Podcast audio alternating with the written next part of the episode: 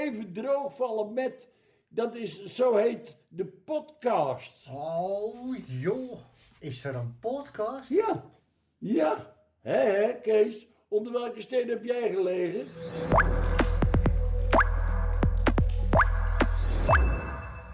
Welkom bij eh, weer een nieuwe aflevering van de podcast Even droogvallen met. Mijn naam is Roos Zwart en vandaag zit ik samen met mijn collega Tim Haasnoot.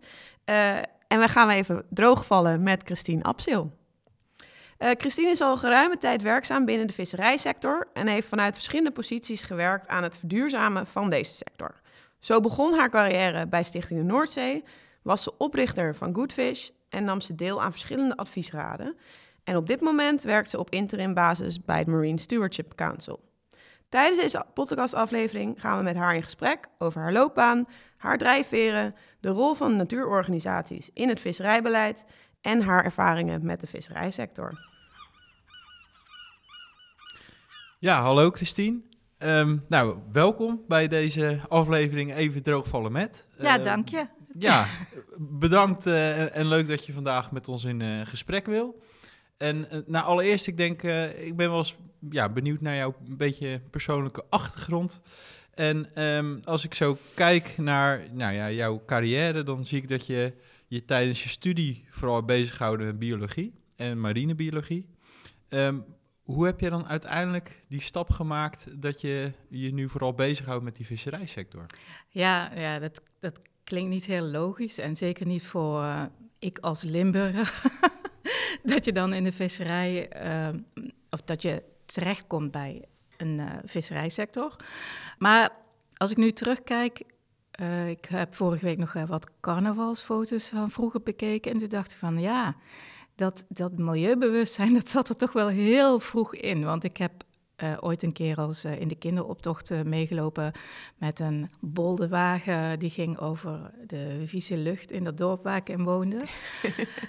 ja, die problematiek, dat, dat heeft mij blijkbaar toch altijd al bezig gehouden. Dat was ook de reden waarom dat ik biologie ben gaan studeren. Ook daar kun je alle kanten mee uit. Ja, maar ik studeerde in Utrecht en je kunt daar niet als visserijbioloog afstuderen. Dus uiteindelijk ben ik als toxicoloog afgestudeerd. En het was echt super moeilijk om banen te krijgen in die tijd. Dus dan neem je wat er voorbij komt en waar je kans maakt. En toen ben ik onderzoeker geworden in wat nu het NIOS heet in Ierseke, maar dat, toen heette dat Delta Instituut. En ik heb toen onderzoek gedaan naar eh, zware metalen bij schelpdieren. Eh, ik heb, ik heb, ben gepromoveerd. Eh, Ik heb daarna ook nog wel een beetje onderzoek in Engeland gedaan, postdoc onderzoek. Maar ik wist, nee, nee, dat wordt niet de rest van mijn leven mijn werk, En- onderzoek. En waarom dacht jij, dit, dit gaat het niet voor mij worden? Nou ja, onderzoek, ja, daar moet je toch wel een soort instelling voor hebben. En ehm, ik wilde veel meer in de toepassing van, van kennis bezig zijn. Eh, en eh, dus toen ben ik gaan zoeken naar, ja, waar kun je dat dan het beste toepassen? En het liefst ook zo breed mogelijk. Ik had zoveel interesses, ja, dat kun je niet als onderzoeker kwijt, want dan moet je je specialiseren. Dat, dat is het, eh, het eigen aan onderzoeker zijn, dat je heel goed bent in een heel klein beetje. En dat, dat wilde ik niet. En nou, toen kwam ik bij Stichting de Noordzee, toen was dat nog Werkgroep Noordzee, terecht een heel klein clubje. Ehm, het was een, eh, destijds een, een werkgroep van de Waddenvereniging. En nu is het misschien zelfs groter dan de Waddenvereniging, weet ik niet. Maar we hebben als, als eh, ehm, klein clubje hebben we eh, langzaam een groei doorgemaakt, wat, ja, wat ook wel nodig was. Want de Noordzee is toch wel een heel groot stuk zee waar je ook wel aandacht voor moet hebben. En ja, dat, dat, die was er in het begin niet. En nou ja, die is er gelukkig nu wel. En, en wat bedoel je met, met aandacht voor hebben? Dat, dat, daar werd weinig bij stilgestaan. eh wat, wat de effecten zijn op de zo Noordzee of hoe die Ja, werkt? ja, ja. Ja, eh, het was ook... Kijk, voor iedereen was de Noordzee een beetje ver van mijn bed. Terwijl het gewoon naast het land ligt. Maar alles wat in zee gebeurde, daar, daar bemoeiden vrij weinig mensen zich mee. Visserijbeleid, daar was ik in het begin ook helemaal niet mee bezig. Ik vond dat wel interessant en leuk, maar ja, nee. wij kwamen er niet aan te pas. Hoezo? Milieuorganisatie aan tafel bij de vissers, met, samen met de vissers bij het ministerie. No way. Dat kon echt niet. Maar ik heb in het begin bij Stichting de Noordzee, maar ook veel meer met andere dingen bezig gehouden. Bijvoorbeeld die waterkwaliteit. Ja. En ehm, daar eh, was het ook wel heel normaal dat je bij eh, alle belanghebbenden aan tafel zat. Dus ik zat samen met eh, de mensen van DSM en andere chemische fabrieken bij VROM, dat ministerie, aan tafel om te praten over gevaarlijke stoffenbeleid. En dat was, ik, ik vond het wel bijzonder dat dat op het ene beleidsveld heel normaal was, maar bij visserij, nou nee, nee, nee. Hoe, hoe haalde ik in mijn hoofd om te denken dat wij mochten meepraten? Maar je bent daar dan uiteindelijk toch aan die tafel gaan zitten. Nou, eh, ja, tijden begonnen wel langzaam te veranderen. Eh, zowel in Nederland als ook in Brussel. Want eh, op een bepaald moment kwamen daar de adviesraden. Eerst was ook zeg maar, het, het advies in Brussel voor de, de beleidsmakers daar, dat was alleen maar door vissers aan Brusselse mensen.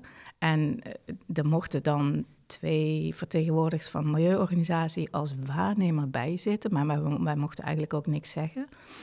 En eh, toen de, de Europese Commissie heeft dat veranderd en heeft die hele structuur eh, aangepast en, en heeft daar die regionale adviesraden in het leven geroepen. En eh, ik was een van de oprichters van de Noordzee Adviesraad. Dat was ook denk ik de eerste adviesraad die er überhaupt was. Ja, dus jij hebt eigenlijk eh, de- de- aan de wieg gestaan van die eh, adviesraad voor de Noordzee. Ja. En ehm, nou, jij, jij kwam daar dus wel aan die tafel te zitten. En wat maakt het voor jou nou zo leuk of boeiend eh, om je daarmee bezig houden, te houden, die visserijsector? Nou, ehm, ik denk omdat het, omdat het juist zo complex is. eh, dat je- het, de problematiek is nooit zo simpel dat je kunt zeggen van oké, we doen dit en dan is het opgelost. Je moet altijd naar heel veel aspecten kijken. Dus je kan niet als bioloog zeggen van ja, als je dit doet, dan, eh, dan gaat het goed. Nee, je moet ook kijken naar de sociale aspecten, de, de economische aspecten. Eh, je kan ook in de geschiedenis kijken van, van de visserij. Dat, dat wordt bijvoorbeeld, vind ik, nog veel te weinig gedaan. Maar dat is ook een heel interessant aspect van, van visserijbeheer. Kijken hoe het, hoe het eh, vroeger eruit zag en wat kun je daarvan leren. Ehm, oh ja, er zijn ook nog de, de juridische aspecten. Dus ja, juist die complexiteit die maakt voor mij die visserij wel heel boeiend. En daarnaast, ja, ik hou ook van vis. Dus ik vind het ook wel ehm, leuk en ook belangrijk dat, dat eh, mensen die eh, vis eten, de handel, eh, dat die snappen waarom dat belangrijk is dat je duurzame vis koopt. Je hele carrière heb je gewerkt vanuit milieuorganisaties, natuurorganisaties, met het thema visserij en met die visserijsector. Ehm, wat, hoe kijk jij naar de relatie tussen de visserijsector en de natuurorganisaties?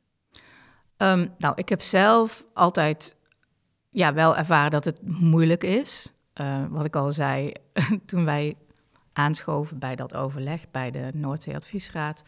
Ja, die vissers die moesten wel slikken. Ehm, maar eh, iedereen begreep toch wel dat het misschien wel een betere manier is van eh, tot maatregelen komen dan, dan dat je elkaar vanaf een zijlijn gaat zitten bestoken.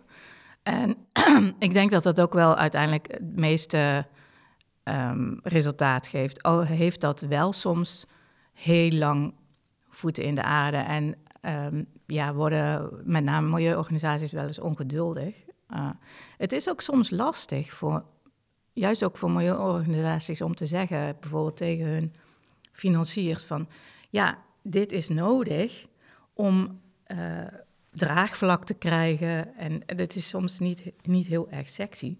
Maar um, ja, het, het, is wel nodig ook om begrip voor elkaar te krijgen. Uh, die samenwerking en dat uh, met elkaar in een hokje gaan zitten. Dus ik heb dat wel altijd eh, proberen te doen. Maar ehm, nou, ik snap ook dat je op een bepa- bepaald moment eh, ja, dat, dat, dat er ongeduld komt. Bijvoorbeeld, eh, je hebt samen afspraken gemaakt over eh, beschermde gebieden. maar dat er dan toch na zoveel jaar dat het dan nog steeds niet lukt om iets te ontwikkelen, een black box. Om aan te tonen dat je niet in die gebieden vist. Ik snap dan dat dan eh, andere partijen wel een beetje ongedurig worden van ja, eh, we hebben afspraken gemaakt, maar ehm, we moeten wel weten dat, die, dat, dat de vissers zich daaraan houden. En ja, op een gegeven moment kun je niet iemand meer op zijn blauwe ogen vertrouwen. En dat wordt wel altijd gezegd van ja, je moet elkaar vertrouwen. Maar ik denk dat het ook wel goed is om, om, om vanuit de visserij toch wat meer een houding te hebben van kijk, wij laten zien dat we het goed doen. En niet zoiets van, nou geloof ons maar. Want in de praktijk zijn er toch heel vaak situaties dat eh, een, een onderzoek eh, laat zien dat er dan toch wel dingen gebeuren die niet helemaal volgens de regels zijn. En ja, en daarmee komt dat wantrouwen weer terug. Dus ja, ik denk zelf dat ehm, ja, je, je, het is heel goed om, om samen te werken, maar eh, ik denk ook dat het heel goed is om vanuit de visserijsector meer te laten zien, transparanter te zijn, waar je mee bezig bent. Ja. Ehm, toen ik begon, ehm, we, er kwamen regels, we maakten afspraken, maar eh, dat was voor de lange termijn. En dan in het begin gaat het allemaal mooi en eh, ja, ja, goed, dat gaan we doen. En, maar zo de, ja, als die tijd verstrijkt eh, en je loopt dan tegen zo'n deadline aan, dan, ehm, dan gaan natuurorganisaties roepen van... eh, hallo, eh, het, is, het is bijna 2020 en nu moeten er wel maatregelen genomen worden... want anders dan lukt het niet om aan die afspraken te voldoen. En ja, het zijn dan niet de vissers die aan de bel gaan trekken van... ho, ho, eh, we, zijn nog niet klaar. Eh, en de, de natuurorganisaties die krijgen ze dan een beetje zo... eh, ja, de, de kwaaie Piet. Maar het is toch vaak een kwestie van... je hebt ooit afspraken gemaakt... En als die deadline nadert, dan zijn het de milieuorganisaties die zeggen van... hallo, we hadden ooit afspraken gemaakt. Eh, we moeten wel zorgen dat, dat die vervuld worden. En dan raken de verhoudingen wel, wel soms veel gespannen, gespannener. En in die zin eh, kun je zeggen dat dingen wel eens veranderen. Ja, daar eh, gaat weer het geluid van de bel. Ehm, dat betekent dat we weer eens de netten gaan ophalen. En nou, we gaan eens kijken wat voor vragen we deze week uit de visserij hebben binnengekregen. Eh, het is een vraag van eh, visser Niels van der Plas. Laten we eens luisteren naar zijn vraag. Christine, de visserijsector staat onder grote druk. Kijk maar naar de huidige sanering. Het dreigende verbod op de bodemberoerende vistuigen en de stikstofeisen. Vanuit verschillende NGO's worden deze ontwikkelingen ook gesteund. Aangezien jij bij verschillende NGO's hebt gewerkt, ben ik benieuwd of NGO's ook stilstaan bij de mentale impact van bepaalde uitspraken op vissers en hun gemeenschappen. Ja, ehm, ja dat is een. eh, ik, ik, ik begrijp heel erg eh, waar, waar de visserij nu eh, mee geconfronteerd wordt. En het zijn. ja, het is de, zeg maar de ene klap naar de andere, kun je wel zeggen. En, eh, en ik kan wel zeggen dat de, de natuurorganisaties zeker stil bij, stilstaan bij die, bij die mentale impact. Want ja, je, je hebt het de, ene nog niet zeg maar, te, voor je kiezen gehad en dan komt daar wel weer iets bovenop.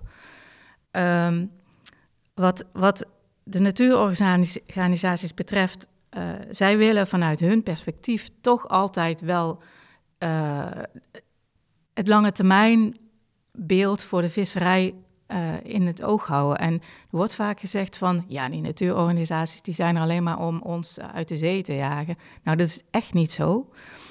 Um, nou, er is sowieso, kijk, je, de natuurorganisaties staan voor natuur, dus die zouden, als ze het heel simpel willen, gewoon kunnen zeggen van, ja, uh, sorry, maar die uh, garnalenvisserij of die uh, heeft impact, die moet weg. Dus die maken van tevoren wel al een overweging van nee, wij willen wel dat die visserij blijft bestaan. Maar wij zeggen wel dat het op een andere manier moet. Wil je dat kunnen laten samengaan met een gezonde Noordzee op termijn? Dus zij willen altijd uh, de, de perspectieven op de lange termijn, maar ook het perspectief van die visser wel voor, uh, in de gaten blijven houden. Oké. Uh, dit keer bij een lijntje uitgooien zijn we bij wat vishandelaren op bezoek geweest. Uh, om te kijken wat daar gezegd wordt over consumentengedrag um, in relatie tot duurzaamheid. We stelden de vishandelaar de volgende vraag. Heeft u wel eens klanten aan uw kraam die vragen naar duurzame vis en die gebruik maken van de viswijzer? Uh, komen er wel eens mensen aan de kraam die vragen om duurzame vis? Uh, nee, er zijn bij mij nog geen klanten geweest die daarom gevraagd hebben. Niet, niet zich druk maken om het, hoe het gevangen is of zo, dat wordt nee, niet gevraagd? Nee, meer om de prijzen. meer op de prijzen, ja, oké. er is meer vraag naar. En uh, zijn jullie bekend met de viswijzer? nee, ik heb daar nog niet van gehoord, viswijzer. Oké, okay. nou, bedankt. Geen probleem. En succes. Ja, dankjewel. Dat is goed. Heel erg bedankt. Goedemiddag. Goedemiddag. Uh, komen er wel eens mensen aan de kraam die vragen om duurzame vis? Nee, heel weinig. Heel weinig. Heel weinig ja. nou, als ze erom vragen, is het dan, gaat het dan, dan om de vangst of zo? Vragen ze dan nog iets specifieks? Of? Ja, dat is meestal uh, of waar het gevangen is en of het kweek is. En of het kweek is, oké. Okay. En uh, zijn jullie bekend met de viswijzer? Ik heb er wel eens aan gehoord. Maar het wordt, niet, wordt ook niet genoemd als er vis komt. Oké, okay. nou, heel erg bedankt. Alsjeblieft. ja, uh, Christine, jij hebt aan de wieg gestaan van, uh, van de viswijzer. En jij werkt uh, op dit moment voor het Marine Stewardship Council, een, een, keurmerk voor duurzame vis. Wat, wat is jouw reactie als je dit hoort? Ja, dit, dit heb ik wel vaker gehoord. Um, en ik begrijp het ook wel. Um, we hebben wel vaak ook met uh, mensen uh, in de visdetailhandel uh, gewerkt. Of dit is dan een viskraam op de markt, neem ik aan. Um, ja, het is heel moeilijk om daar te vertellen aan de handelaren. Misschien kunnen jullie ook informatie geven over duurzaamheid. Um, je merkt dat die, dat die handel, um, zelfs ook over uh, noodzakelijke regels vanuit Brussel bijvoorbeeld, je moet op je visbordje moet je zeggen of het kweek of wild is, waar het gevangen is en op welke manier. Daar moet er overal bij staan dat ze ook daar moeite mee hebben om dat te communiceren. Ja, de, de volumes vis die verkocht worden via een viskraam is uiteindelijk niet het allergrootste in Nederland. En wereldwijd wordt toch de meeste vis verkocht via de, de supermarkten. En die supermarkten, die hebben wel heel goed door dat zij, willen zij een goed verhaal hebben naar hun klanten en willen zij ook een goed verhaal hebben naar hun aandeelhouders, dat zij wel voor duurzame vis moeten gaan. Dus die vragen naar duurzame vis.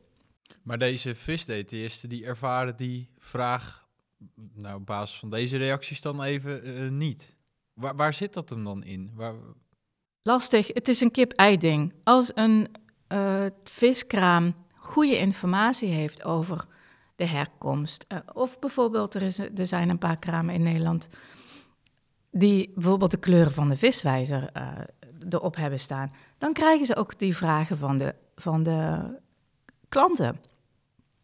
Toen we begonnen met de viswijzer, dat was met een boek. En er was een viswinkel in Nijmegen waar ik woon. Nou, die was, vond het fantastisch. En die heeft meteen alle vis in zijn vitrine van die kleurtjes voorzien. Inclusief die rode. En dus ik kwam een paar maanden later, kwam ik daar weer. En, en hij had dat zonder te vragen, had hij dat gedaan. Uh, hij had gewoon, gewoon al die visjes, uh, allemaal stipjes gegeven. Ik zeg, waarom heb je dat gedaan? Nou, zegt hij, ja, ik wil dat communiceren aan mijn klanten.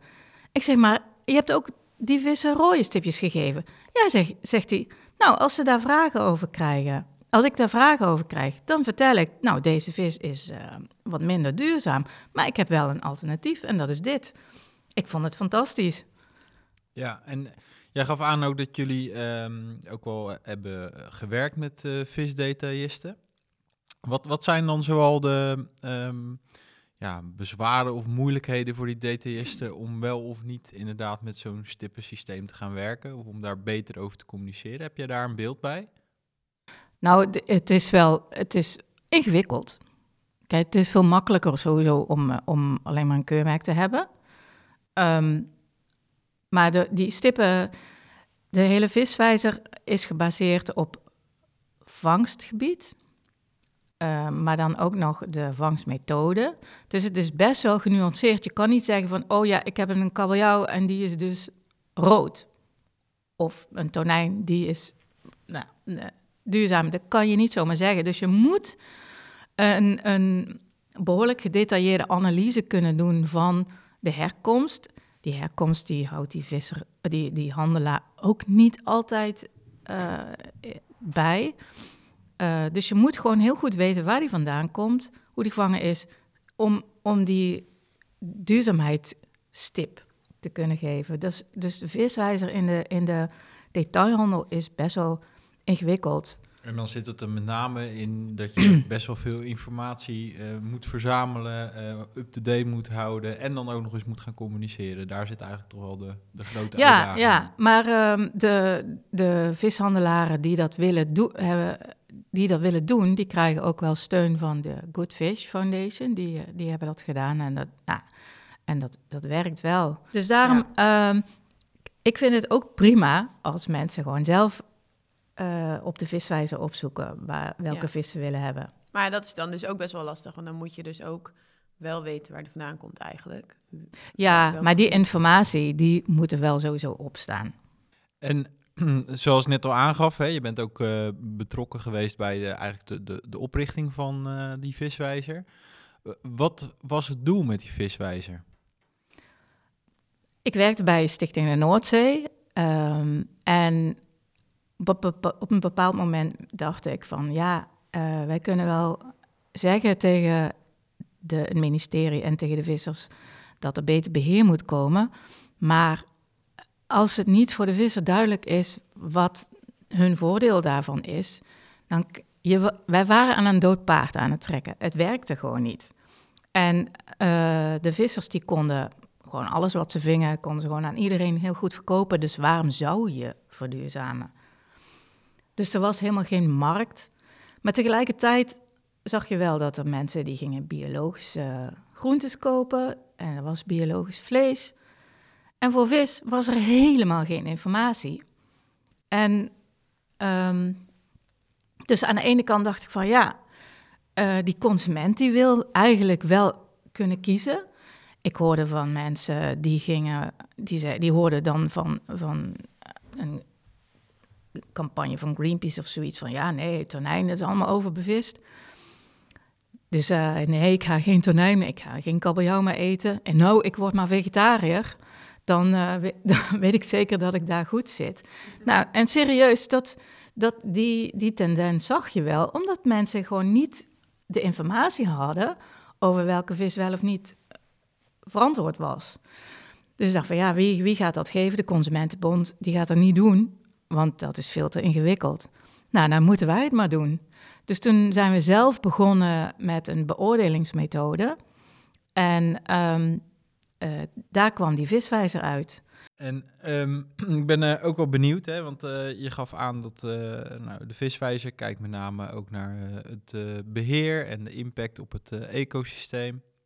Ehm, volgens mij zit daarin heel veel overlap ook met het MSC-keurmerk, wat ook naar die aspecten kijkt. Waarin verschilt het MSC-keurmerk dan met de beoordeling van de viswijzer? Het systeem is heel anders. Een viswijzer is eh, eh, niet vrijblijvend. Gewoon eh, alle visserijen, of zoveel mogelijk visserijen, worden beoordeeld. ongevraagd. Dus dat is, ja. En een keurmerk, MSC-keurmerk, dat wordt alleen gedaan als een visserij dat vraagt. Dus die, het, het, werkt anders. Um, het MSC-keurmerk is ook een, een, een, meer een proces. Als je gecertificeerd bent, dan heb je misschien gemiddeld um, uh, ja, zeg maar een, zeventje op een score van 10. Uh, maar je moet wel jouw rapportcijfer uh, verbeteren in de loop van de jaren. Dus er zitten vaak voorwaarden, condities aan die visserij waar ze aan kunnen werken tijdens hun, hun keurmerk.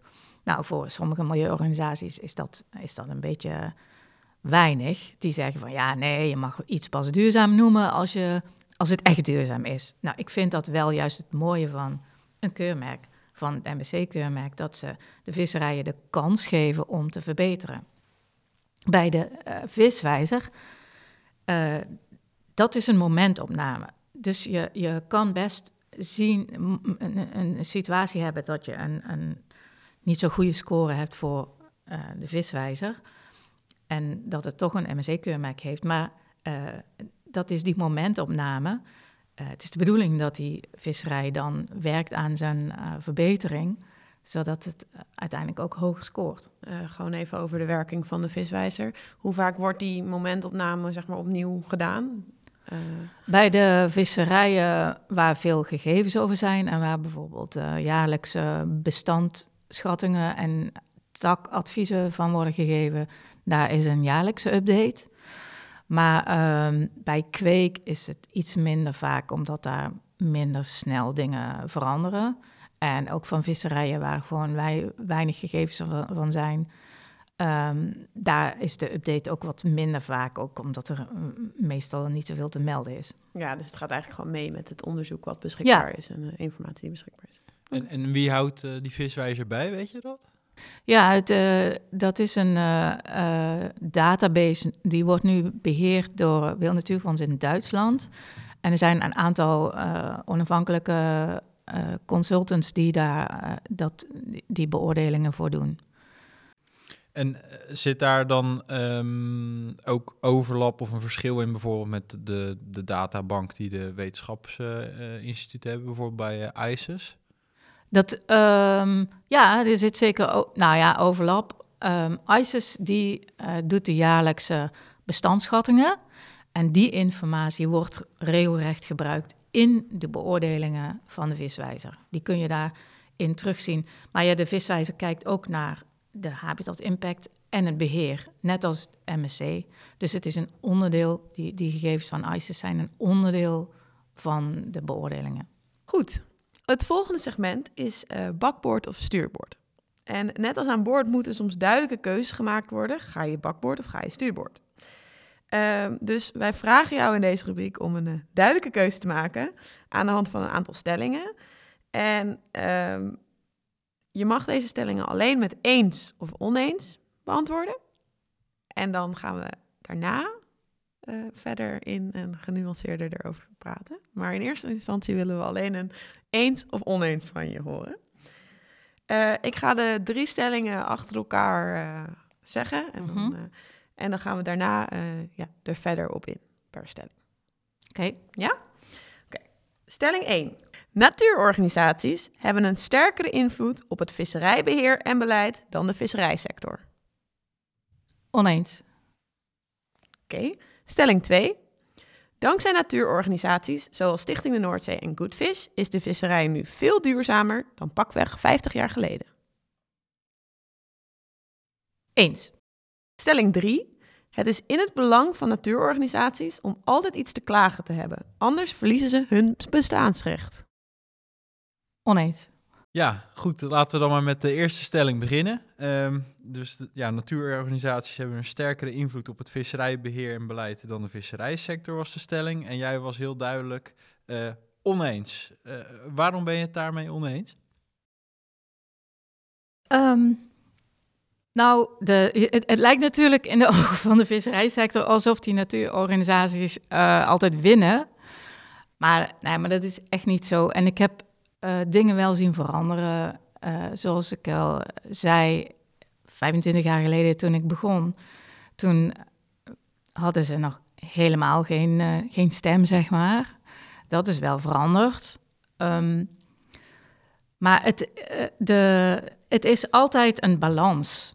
En een overheid die kiest altijd toch ergens een middenweg. En kijk, de visserij eh, die zal niet zeggen van, eh, nou, wij willen, wij willen regels. Maar uiteindelijk is het wel iemand die dat moet zeggen. En dan zegt een natuurorganisatie, eh, wij vinden het wel belangrijk dat er regels komen. Eh, bijvoorbeeld in de Noordzee Adviesraad wa- was er ehm, in het begin, eh, da- ja, dan, dan was er vergadering zo rond de tijd dat er de quota-adviezen gegeven moesten worden. En dan zeiden de vissers altijd van, ja, nou, wij willen eigenlijk meer dan wat de biologen adviseren. En dan zeiden de natuurorganisaties, nee, wij willen gewoon ons houden aan een biologisch advies. Ja, maar we kunnen wel dat risico nemen. En we kwamen er gewoon niet uit. En ga- was, elk jaar ging er zoveel tijd in zitten. Ehm, toen hebben op een gegeven moment een natuurorganisatie gezegd van... als het zo moet, wij onthouden ons hiervan advies. Nou, eh, dat vonden de vissers helemaal niet leuk... want eh, een advies waar een deel van de belanghebbenden gezegd van... wij on- onthouden ons, dan, dan neemt de Europese Commissie dat ook niet meer serieus. En de, de natuurorganisaties zeiden: wij vinden het alleen maar zinvol voor ons om hierbij te zitten als we het over lange termijn gaan hebben. Want die jaarlijkse eh, onderhandelingen, daar komt niemand verder mee. Het is gewoon belangrijk dat we lange termijn afspraken maken en over hoe, eh, hoe we dat inrichten. Daarvoor willen wij hier zitten. En uiteindelijk is dat ook wel eh, eh, gelukt, denk ik. Dat is echt wat, wat natuurorganisaties, eh, waar ze een, grote rol hebben gespeeld. Dat, er, eh, dat, dat eh, de visserij lange termijn beheerplannen heeft.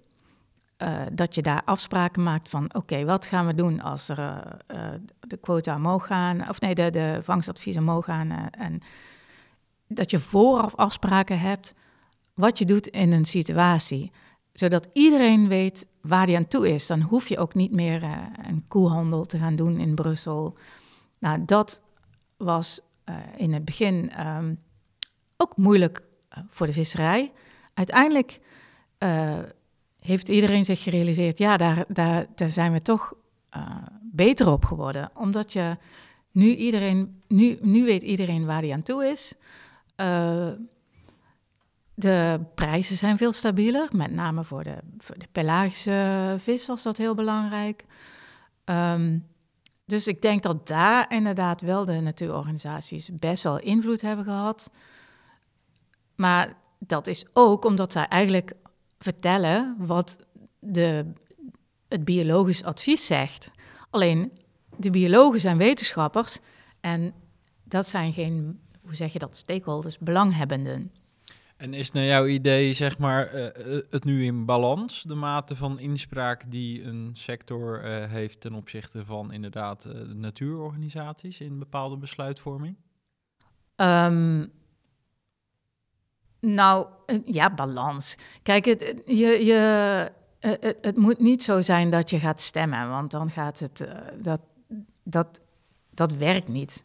Ehm, ik denk als je naar de adviesraden kijkt, daar zitten nu voor het overgrote deel wel visserij of visgerelateerde belanghebbenden en een minderheid van natuurorganisaties. Maar ehm, daar komt een consensusadvies uit waarbij zoveel mogelijk rekening wordt gehouden met eh, het belang van de visserij, maar ook het, het lange termijn belang van de, van de natuur.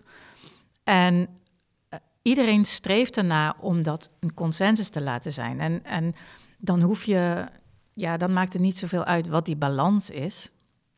Eh, je, eh, je hebt mensen in de zaal die naar elkaar luisteren en die gezamenlijk met een, met een advies komen. Dan gaan we naar de tweede stelling. Dat was eh, dankzij natuurorganisaties eh, is de visserij nu veel duurzamer dan pakweg 50 jaar geleden. Daar was je duidelijk eh, mee eens. Waarom was je het daarmee eens? Ehm, ja, de, de visserij is sowieso, het bestandbeheer is, zeker in de Noordzee, is echt heel erg verbeterd. Toen ik begon, 25 jaar le- geleden bij Stichting de Noordzee, nou, toen was er echt crisis. Eh, sowieso eh, werden de biologische adviezen niet opgevolgd. De, ja, de stem van de visser was echt te luid. Eh, en dan, dan luistert de politiek daarnaar. Ehm, de, ja, het was voor, voor de visser steeds. wij willen zoveel zo hoog mogelijke quota. Het is heel lastig om te zeggen van. Nou, eh, over de vijf jaar willen we ook nog vis. Dat, dat, is, dat, dat lange termijn belang. Dat is heel lastig om, dat, om daarvoor te gaan als, als individuele visserijorganisatie. De, de pelagische vissers die, die deden dat op een bepaald moment wel. Die hadden, eh, dat zijn een paar bedrijven, dus die kunnen wat makkelijker eh, dat overzien en, en wat strategischer afspraken maken. Ehm, maar door de natuurorganisaties, eh, kan ik wel zeggen, denk ik, is, is dat lange termijnbeheer toch wel van de grond gekomen. Ook wel samen met de opkomst van het MSC-keurmerk, dat was een paar jaar later.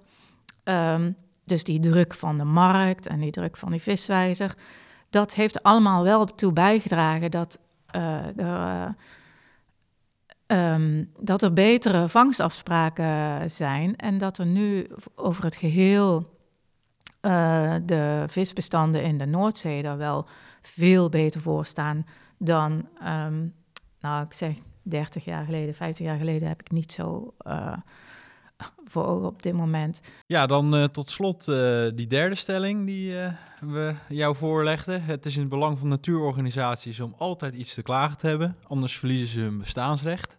Ehm, nou, daar was jij ook duidelijk in oneens. Vertel Ja. waarom. Ja, nee, het belang van de natuurorganisaties is eh, behoud van de natuur, dat is simpel. Maar de media, die, die willen vaak alleen maar sensatie horen.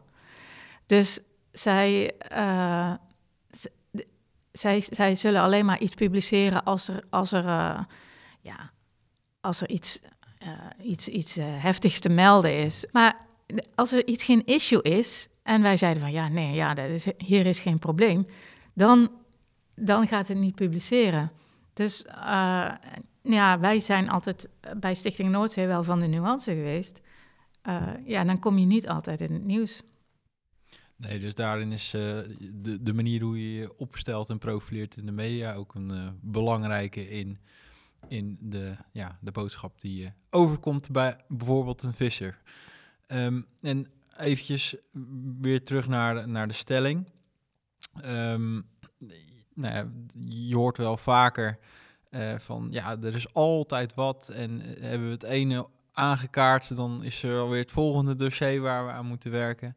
Wanneer is het nou een keer genoeg? Wanneer houdt het nou eens een keer op?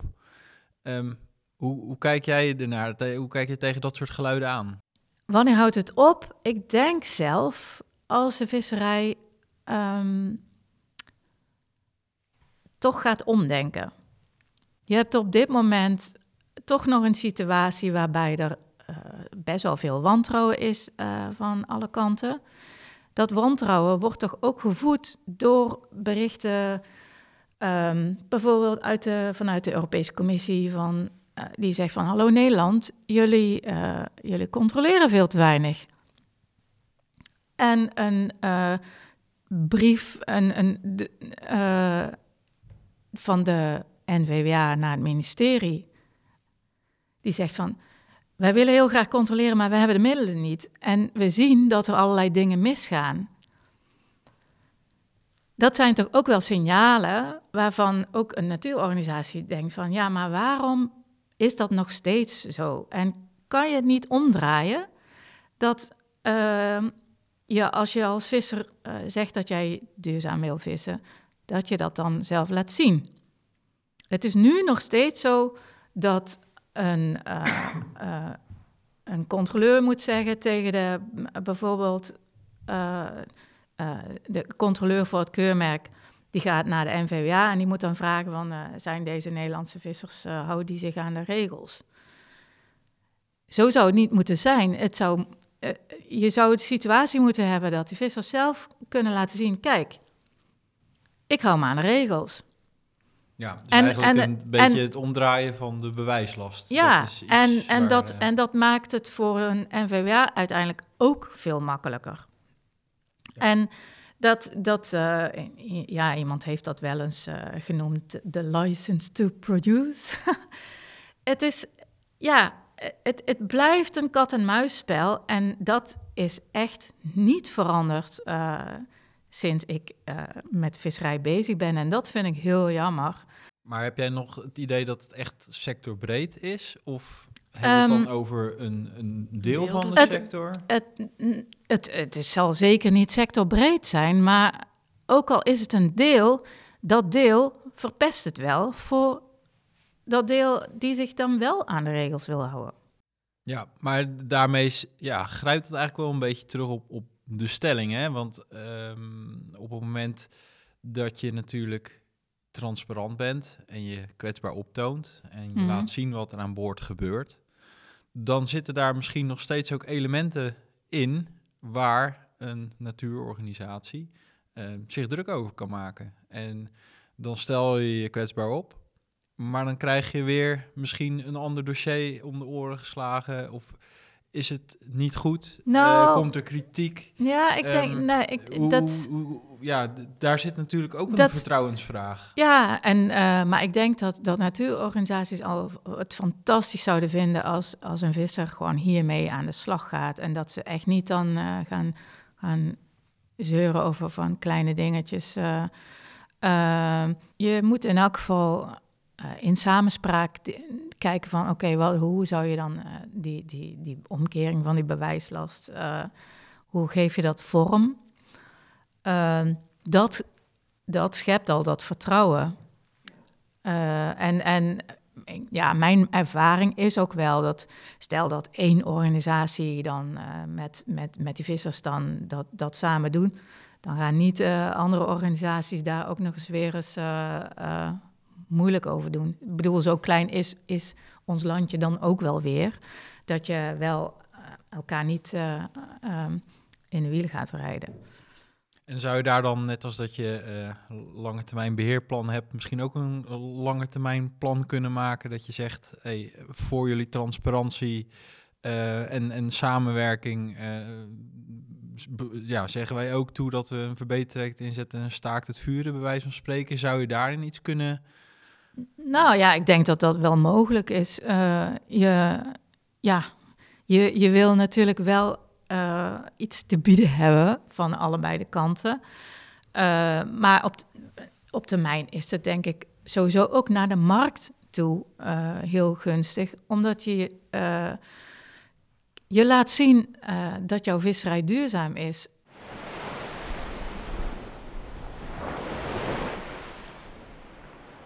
Eh, je bent sinds vorig jaar eh, werkzaam bij de Marine Stewardship Council, ofwel MSC. Kun je een beetje kort toelichten wat eh, MSC doet? Voor degenen die dat nog niet weten. ja. ja, MSC ehm, die heeft een standaard. De, dat keurmerk, ehm, de, de, daar, daar zijn drie belangrijke elementen zitten daarin.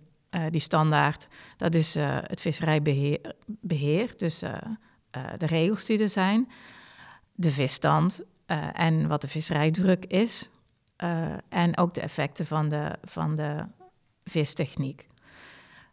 Dat is heel kort door de bocht. Het is een hele uitgebreide beoordeling. Ehm, eh, die, die beoordeling die wordt gedaan door, door ingehuurde experts. En die zeggen ook of een visserij voldoet aan die standaard. Het- het keurmerk doet dat zelf niet. Eh, dus, dus MSC zorgt, dat wel, zorgt wel dat die, zeg maar de, de, de, de indicatoren die in die, in die standaard zitten, dat die zo gebalanceerd eh, mogelijk zijn. En eh, om de paar jaar wordt die, wordt die standaard ook dan weer nog verbeterd. We hebben recent weer een, een, een hele grote verbeterslag eh, doorgevoerd en dat kost ook een paar jaar. Ehm, maar het zijn eh, externe partijen die, die een visserij beoordelen aan de hand van die standaard. Eh, er is wel eh, eh, inderdaad kritiek op van waarom zit daar geen die, die, die, die carbon footprint, de, de, waarom zit dat er niet in? Er zijn ook andere sustainability, duurzaamheidscriteria die je erin zou kunnen stoppen. Er wordt echt wel over nagedacht.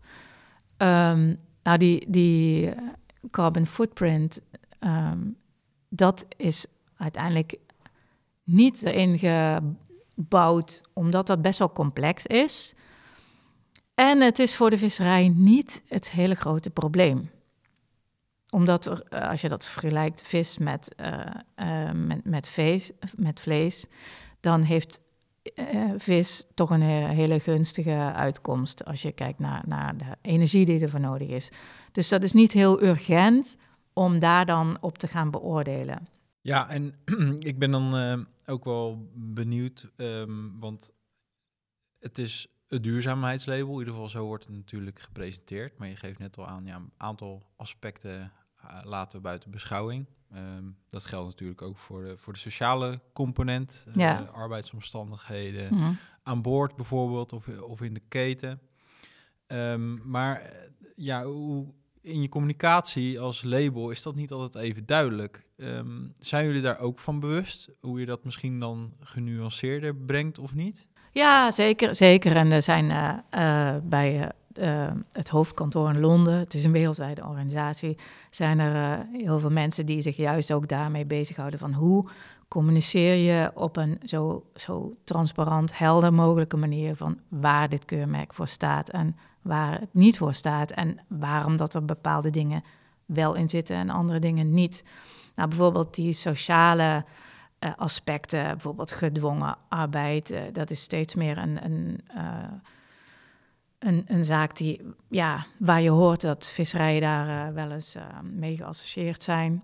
Eh, daar kijkt de MSC-keurmerk wel degelijk naar, maar hoe maak je daar criteria voor? Ehm, kinderarbeid, dat is ook die, dat hele sociale aspect, dat is echt een, een, ja, een vak apart, zeg maar. En er zijn andere organisaties die dat heel goed kunnen. Dus MSC heeft gezegd van eh, wij kijken naar wat die andere organisaties eh, eh, doen. En die standaarden die daarvoor zijn. En we vragen wel aan de visserijen die nu voor certificering gaan, wat zij doen op dat vlak. Dus in hoeverre zij zich houden aan richtlijnen van bijvoorbeeld de International Labour Organization. En op die manier vragen ze wel dus die aandacht voor die sociale aspecten, maar het zit niet in de standaard ingebouwd. Oké. En ehm, ook eh, een visserij, hè, ehm, die is geïnteresseerd in het eh, voeren van het MSC-label. In zekere zin moet je daar dan ook enigszins transparant eh, in opstellen en, en, en bepaalde data delen.